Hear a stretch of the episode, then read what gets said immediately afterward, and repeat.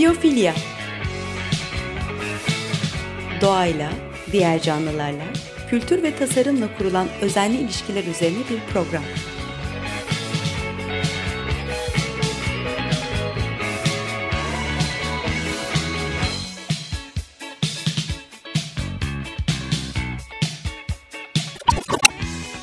Hazırlayan ve sunan Nurhan Healer.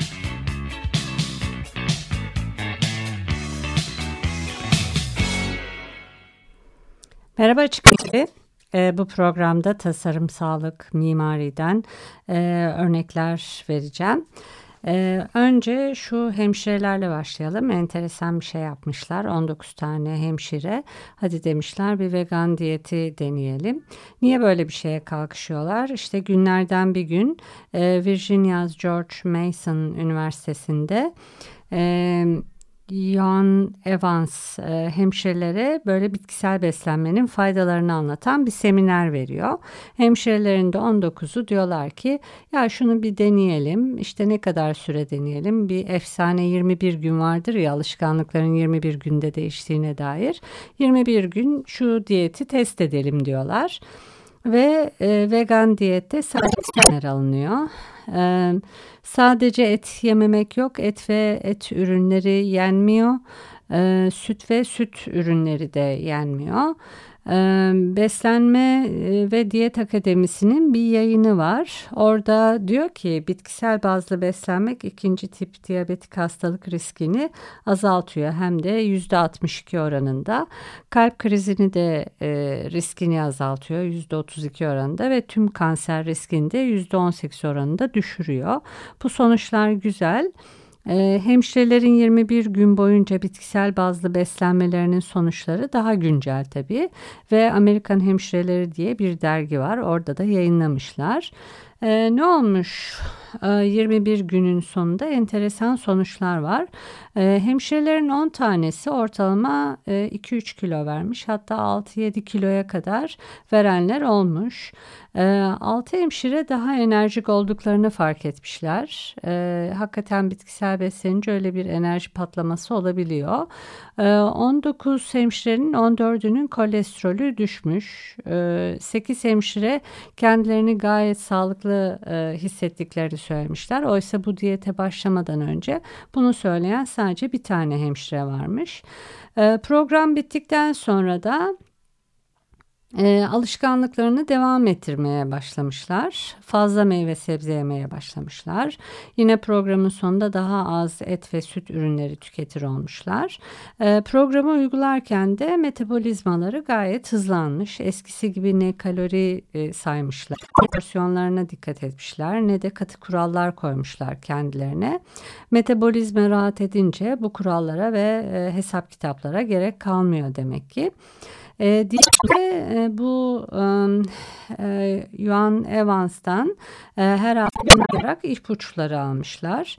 E, Evan'a karşılaştıkları zorlukları anlatmışlar. O da bu zorluklarla nasıl başa çıkabileceklerini anlatmış. E, ayrıca besin değeri pişirme konuları işte aileleri için alternatif ne pişirebileceklerine dair de e, ipuçları almışlar. E, bir yerden daha destek alıyorlar. O vegan programa başlama diye bir web sitesi var. Kar amacı gütmeyen doktorların kurduğu ve yürüttüğü bir e, site bu. Burada bir program var. E, her ayın ilk günü programları duyuruyorlar. Diyetisyenlerin hazırladığı e, programları açıklıyorlar. Alış var, ipuçları var. Yemek pişirme videoları var. Alışveriş turu ve etkileşimli turlar da hazırlıyorlar. E, vegan diyetiyle e, vücutların inceldiğine dair de bilgiler veriyorlar. Kan basıncı düşüyor, kolesterol iyileşiyor. Bu platformun kurucusu Neil Bernard vegan beslenmenin enerjiyi artırdığını söylüyor. E, tek yapmanız gereken bu diyete gerçekten uymak. E, bitkilerle beslenme e, moda veya trend olacak bir şey de değil. E, sağlığa, beslenmeye, yemeğe yeni bir yaklaşım. 21 gün e, kısa gelebilir böyle söyleyince ama hatta 21 günden daha önce etkileri görülebiliyor, sonuçları alınıyor. E, vegan veya vejeteryan diyete başlamak isteyenler bu programlara e, bakabilirler. E, 21 gün daha kısa bir sürede e, başlıyor, alışkanlıklarını değiştiriyor. Şimdi başka bir konuya geçeyim. E, Japonya. E, hangi kutuyu açsam içinden böyle bir Japonlar çıkıyor. Her şeyin iyisi ve kalitesiyle, kalitelisiyle uğraşıyorlar. Atlantic City Lab diye bir dergi var. Bir, bir yazısında Japonların okullara nasıl fon akıttığından ve çocukların beslenmesinden bahsediyor. Ee, Japonya e, için çocukların beslenmesi, e, iyi beslenmesi önemli e, ve ev yapımı iyi yemek önem verdikleri konular arasında hatta öncelikli konuları arasında. 10 ee, milyon ilkokul ve ortaokul öğrencisi bu programdan faydalanıyor. Bu da öğrencilerin %94'ü demek neredeyse %100'ünü kapsıyor oluyorlar. Yedikleri yemeklerin yağlı, sağlıksız şeylerle hiçbir alakası yok. Amerika'daki gibi yemekhaneye hazır gelen ve ısıtılan tatsız, tuzsuz, yağlı ve sağlıksız değiller. E, hep de Amerika ile karşılaştırılıyor tabii. Gece ve gündüz kadar farklılar birbirlerinden. Ee, Japon okullarında e, yemekler günlük pişiriliyor. Amerika'da yapıldığı gibi okula gönderilen yemekleri e, ısıtmakla uğraşmıyor oradaki görevliler. Yemeği sıfırdan e, ve taze malzemelerle yapıyorlar. Genelde okulda çocuklar tarafından yetiştirilen malzemeler bunlar. Ee, çocuklar da küçük yaştan itibaren iyi yemeğin ayırdına varıyor. Dengeli ve sağlıklı besleniyorlar. Japonlar için enteresan bir şey var. Hani öyle zamanı bizim için yemek, böyle boş boş oturmak falan demek oluyor ya da sosyal medya ile ilgilenmek. Ee, onu da eğitimde kullanıyorlar. Ee, birileri onların yemeğini hazır getirip önlerine koymuyor. Ee, çocuklara üşenmemeyi öğretiyorlar. Çocuklar sofra hazırlamayı ve toplamayı öğreniyor. Ee, bunları uyum ve sakinlik halinde yapıyorlar. Gene Amerikalı e, çocuklarla karşılaştırıyorlar. Oradaki o gürültü, koşturma, hengame, kontrolsüzlük, dağınıklık e, öyle şeyler yok burada beslenme ve yemek eğitiminin bir adı bile var. E, Shokuiku. E, 2005'te hatırı sayılır çocuk yeme bozukluğuyla mücadele edince e, hükümet bu e, Shokuiku yasasını çıkarmış. Okullarda sağlıklı yemeği teşvik etmiş. 2007 yılında e, bazı diyetisyenler, e, beslenme öğretmenleri de atamış bazı okullara. Hepsine değil tabii az bir kısmına. İnternette bakabilirsiniz. E, Shokuiku'yu anlatan güzel bir video var. Videoda çocuklar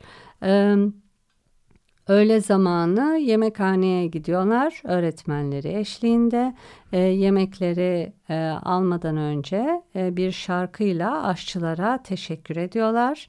Ondan sonra kendileri masalarını kuruyorlar. E, kendileri yiyorlar, kendileri topluyorlar ve hiçbir çocuğun da böyle mızmızlık yaptığını ben bunu yemem, sevmem vesaire dediğinde görmüyoruz.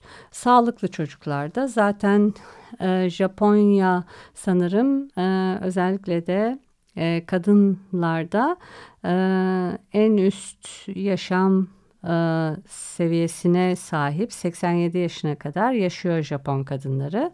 E, sağlık ve sağlığa da önem veriyorlar. Yemekle devam edeyim yine. Global Sağlık İndeksi var.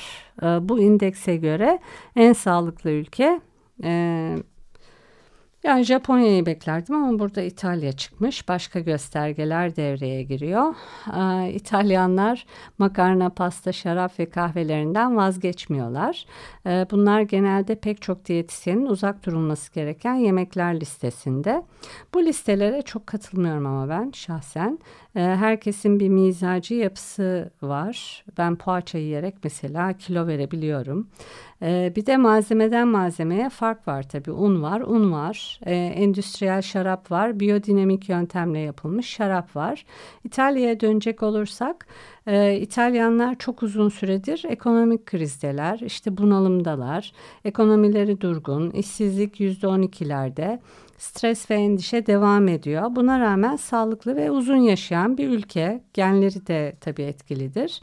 E, Global Sağlık İndeksi 163 e, ülkeye bakıyor, göstergeler topluyor. Farklı yaşlardaki yaşam süresine bakıyor. Kaza ve hastalıklardan ölüm oranlarına, işte kritik durumlarda hayatta kalma oranlarına bakıyor. Sigara içiyorlar mı? Oburluk oranı nedir? Çocukların yetersiz beslenmesi oranı nedir? Kirlilik ne durumda? E, temiz su kaynakları yeterli mi gibi şeylere bakıyorlar ve riskleri hesaplıyorlar. Buna göre en sağlıklı ülkeler ve puanları şöyle oluyor. Ee, İtalya 93 puan almış. Küsuratı da var ama onu söylemeyeyim. İzlanda 91, İsviçre 90, Singapur 90, Avustralya 89. Ee, en düşük 50 ülke arasında kimler var diyecek olursanız Slovakya var 65 puanla. Ee, Barbados var, Umman var, Panama var, ee, bir de Arnavutluk var. Amerika Birleşik Devletleri 73 puanla 34. sırada ama yeryüzünün en ağır, en kilolu insanları e, olarak tarihe geçmiş. Ee, şimdi İtalyanlara dönecek olursak İtalyanlarla Japonlar arasında şöyle bir benzerlik var. Onlar da kendi yemeklerini yapıyorlar. Yani hazıra çok fazla yönelmiyorlar. Sıfırdan yapıyorlar. Unumunu alıp e, hazırlıyorlar yemeklerini. E, bir de çok fazla da yemiyorlar. Yani bir öğünü e, iyi yiyorlar. Diğer öğünleri ama atlayabiliyorlar kahveyle vesaire. E, dolayısıyla da e, bir de e, karınlarını doyurmak değil amaç böyle tıka basa e, mutlu olmak için keyif alarak e, yiyorlar ama dediğim gibi yani porsiyonları çok çok büyük değil onu da unutmamak lazım. Ee, sağlık konusundan mutluluğa geçeceğim. Orada da bir indeks var. Ama önce e, müzik arası verelim.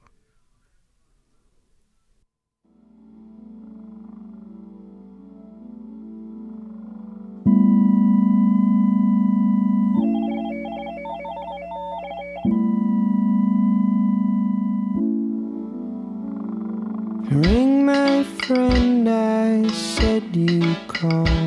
Dr. Robert. Day or night, he'll be there anytime at all. Dr. Robert.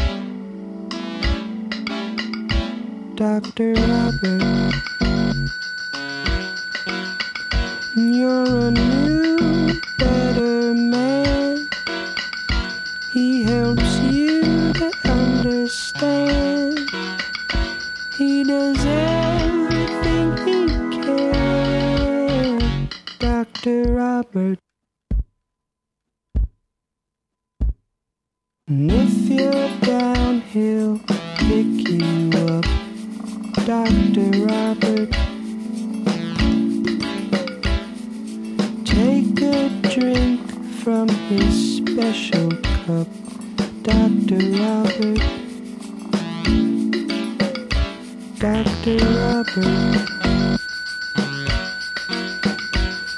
A man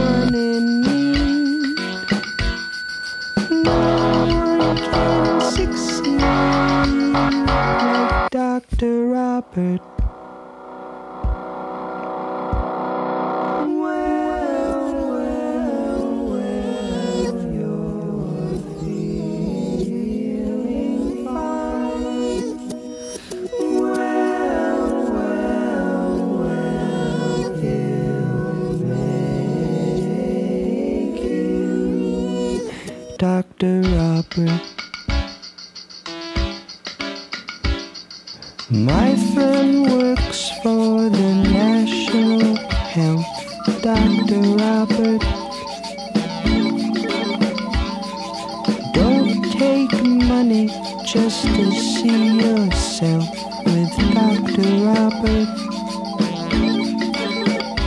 Dr. Robert.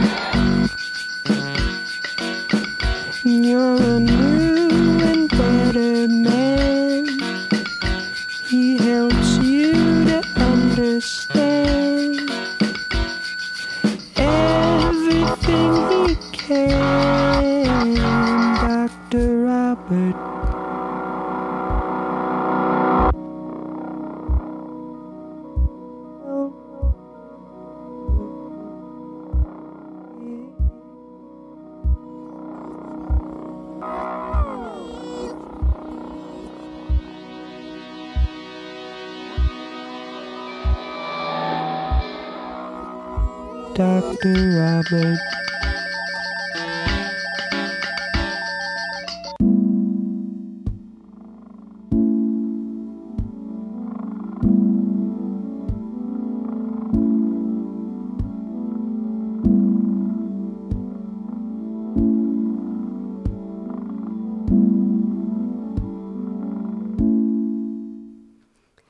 Açık Radyo dinleyicileri tekrar. Ee, Luke Temple'dan Dr. Robert'ı dinledik. Ee, programın ilk yarısında vegan olmayı deneyen 19 hemşireden e, ve kendilerinde hissettikleri, gördükleri etkilerden bahsettim. Japon okullarının e, çocukların doğal ve taze beslenmesine verdikleri önem bir diğer konuydu ve takdire şayan. En sonunda İtalyanların en sağlıklı millet olduğundan çünkü onların da iyi malzemeyle yemek yaptıklarından ve hazır şeyleri de çok kullanmadıklarından bahsettim. Şimdi mutluluk konusuna gelelim. Çok moda bir konu. Ee, Birleşmiş Milletler Dünya Mutluluk Günü'nü icat etti. İlk raporunu da 2012'de yayınladı. Mutluluk giderek e, ekonomik göstergelerin önüne geçmeye başladı. Ülkeler içinde iyi bir tanıtım ve PR kaynağı. Hangi ülkeler mutlulukta ilk sıralardaysa daha fazla talep görebiliyorlar. Eğitim, doğa, endüstri, yemek, tasarım, kültür konularında bu ülkelere study tur denilen araştırma turları da düzenleniyor.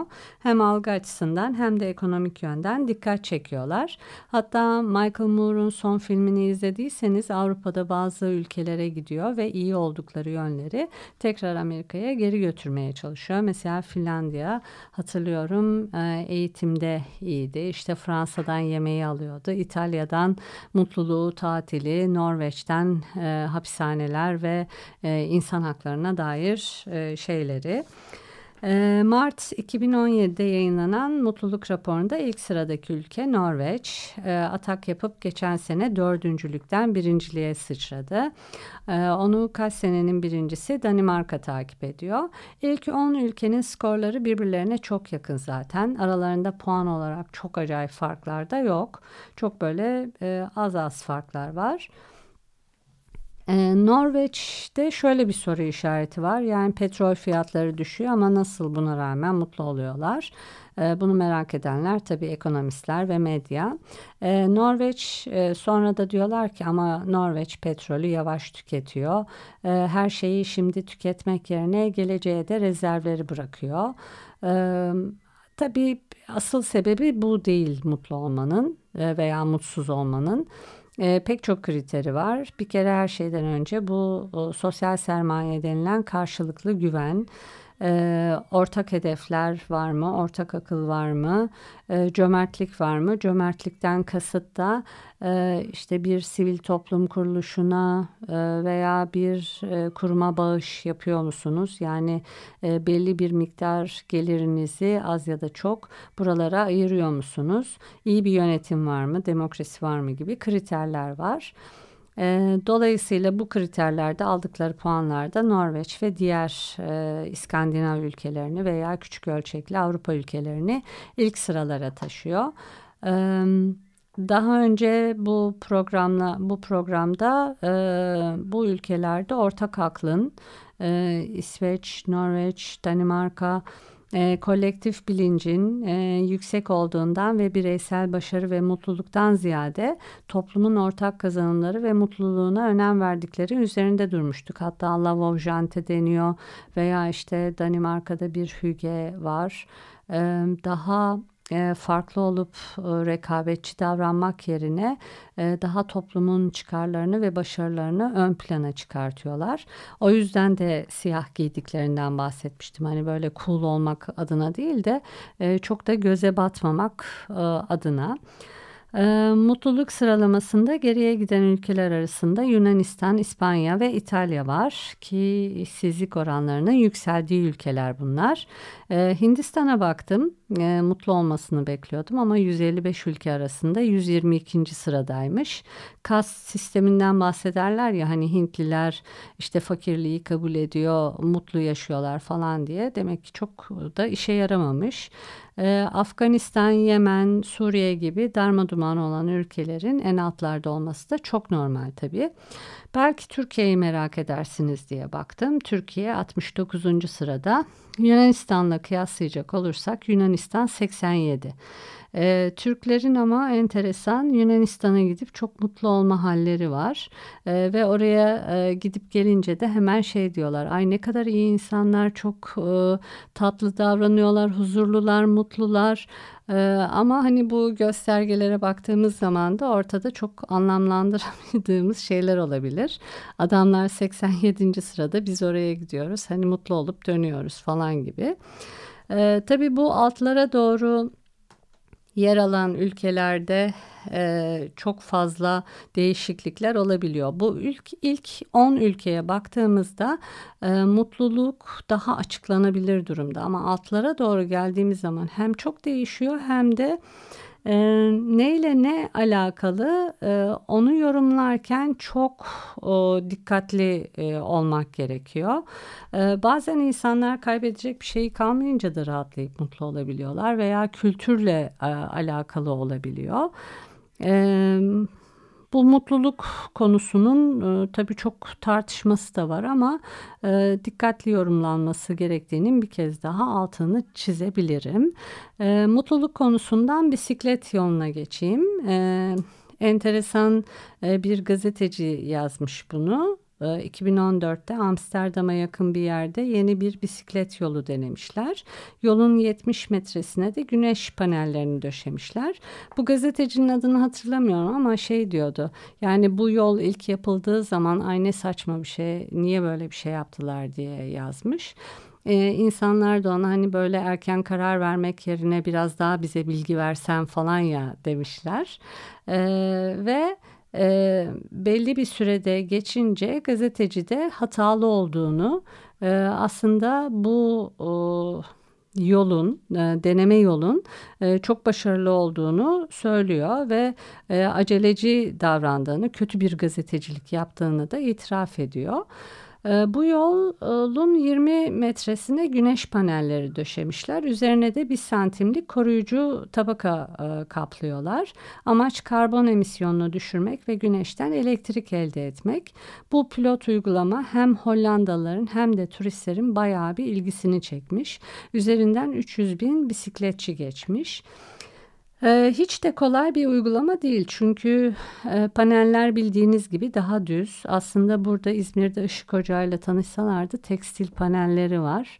Çok da düz kullanmalarına gerek yok. E, camı korumak için de üzerine kalın bir tabaka koyuyorlar. Bu da tabii güneşten yeterince faydalanmamak anlamına da geliyor. Döşedikten 6 ay sonra 3000 kW elektrik üretmiş bu yol her şeye rağmen. E, ve bir senenin sonunda da 9800 kW'lık bir elektrik üretmiş. Hani bu rakamlar çok bir şey ifade etmeyebilir ama şöyle söylersem 3 ortalama evin elektrik e, tüketimi demek. E, dolayısıyla bu yolları artıracaklar gibi gözüküyor. Ha şunu da kıyaslamışlar. Çatılarda üretilen güneş enerjisine e, oranla performansı o kadar yüksek değil ama çok da umurlarında değil. E, bu bisiklet e, yolları nasıl olsa hani dikkat çekmiş, ilgi çekmiş, e, e, turist de çekmiş. Dolayısıyla daha ne olsun diyorlar. Bir de bu yolların bir güzelliği daha buzları da e, eritiyor. Yani buz küremek veya işte kar vesaire problemiyle çok da karşılaşmıyorlar. E, şimdi bisikletten bir kitaba geçeyim e, Minimalizm diye bir kitap var. Joshua Fields Milburn ve Tian Nicodemus tarafından yazılmış. İlk etapta e, hani eşyaya, objeye dair bir kitap gibi duruyor tasarıma. E, ama içine açıp baktığımda farklı boyutları vardı. Bir fiziksel bir de ruhsal yazarlar beş değer üzerinde duruyorlar. Sağlık, ilişkiler, tutku, gelişme ve katkıda bulunma gibi değerler bunlar. Her birinde bir takım alıştırmalar öneriyorlar. Önerilerde bulunan bir kitap. E, kitabı almadım sadece bakmakla yetindim e, ama minimalizmden eşyayı kastetmediği için e, ilgimi çekti. E, bir e, başka konu bir mimardan bahsetmek istiyorum. Danimarkalı mimar e, Bjarke Ingels neredeyse süperstar haline gelmiş. Times dergisi tarafından dünyanın en etkili yüz ismi arasında e, geçiyor. Eski patronu onun için zamanın ruhu diyor. New York'ta, Kaliforniya'da çok ilginç eserler yaptı e, Zaha Hadid'in yarattığı etkiyi yaratacak birisi olarak gösteriliyor. Bu mimarı da yakından takip etmek lazım. E, Renzo Piano'ya şöyle bir göz attım. Hani mimari deyince ne yapıyor son zamanlarda diye. E, heyecanla 2015'te Beyrut'ta başladıkları projenin bitmesini bekliyorum. Bir müze inşa ediyorlar. Bu müze Şehitler Meydanı'nın tarihi rolünü yeniden canlandırmayı amaçlıyor Beyrut'ta. E, Beyrut Şehir Müzesi e, Şehitler Meydanı ve e, Tel Site'yi site'ı bir araya getiren bir yer ve bir varış noktası gibi. Talsite e, antik geçmişi, Şehitler Meydanı ise yakın e, geçmişi temsil ediyor. Her ikisi de Beyrut'un tarihi ve hafızasıyla ilgili. E, bu müzeyle hem arada bağ kuruyorlar hem sürekliliği sağlamaya çalışıyorlar. Bittiğinde artık Beyrut'a gitmek şart oldu diyebiliriz. E, Kengo Kuma'ya gelelim. Japonya'da o da mimar. Gerçi hani dünyanın pek çok yerinde mimari eserleri var ve yapmaya devam ediyor ama Kengo Kuma'nın doğada eriyik bir mimarisi var. Doğaya çıkıntılık yapmıyor. 2020'de Japonya'da yapılacak e, olimpiyatlar e, için bir stadyum e, var. E, bunu Kengo Kuma yapacak. E, bir Kengo Kuma klasiği ahşap var e, ve ahşabı bir dantel gibi e, tasarlamış. Bugünkü programın e, sonuna geldik. E, önümüzdeki günlerde Açık Radyo klasiği olan dinleyici destek günleri var. E, bu seferki tema empati, özveri ve hoşgörü üzerine. Bugünlerde medya diyeti yapan insanlar bayağı bir arttı. Kiminle konuşsam e, ana akım medyadan uzak durduğunu e, söylüyor. Hiç değilse hani görüntü varsa bile sesi kısıyor insanlar, dinlemek istemiyorlar. Merhametli ve iyi insanlar uzak durmaya çalışıyor artık bu seslerden ve görüntülerden. Açık Radyo alternatif ve bağımsız bir ses olarak devam ediyor biliyorsunuz. Açık Radyo çok ciddi bir umut kaynağı. Ben de çok şey öğreniyorum Açık Radyo'dan ve sayesinde de yalnız hissetmiyorum. E, desteğe devam diyelim. E, kumandada Feryal'e çok teşekkür ediyorum. Bir sonraki programda görüşmek üzere. Hoşçakalın.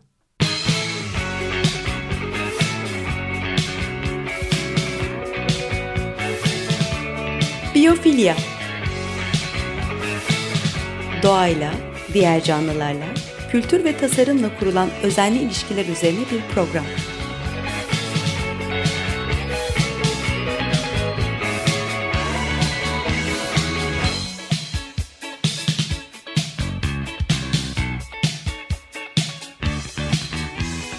Hazırlayan ve sunan Nurhan Healer.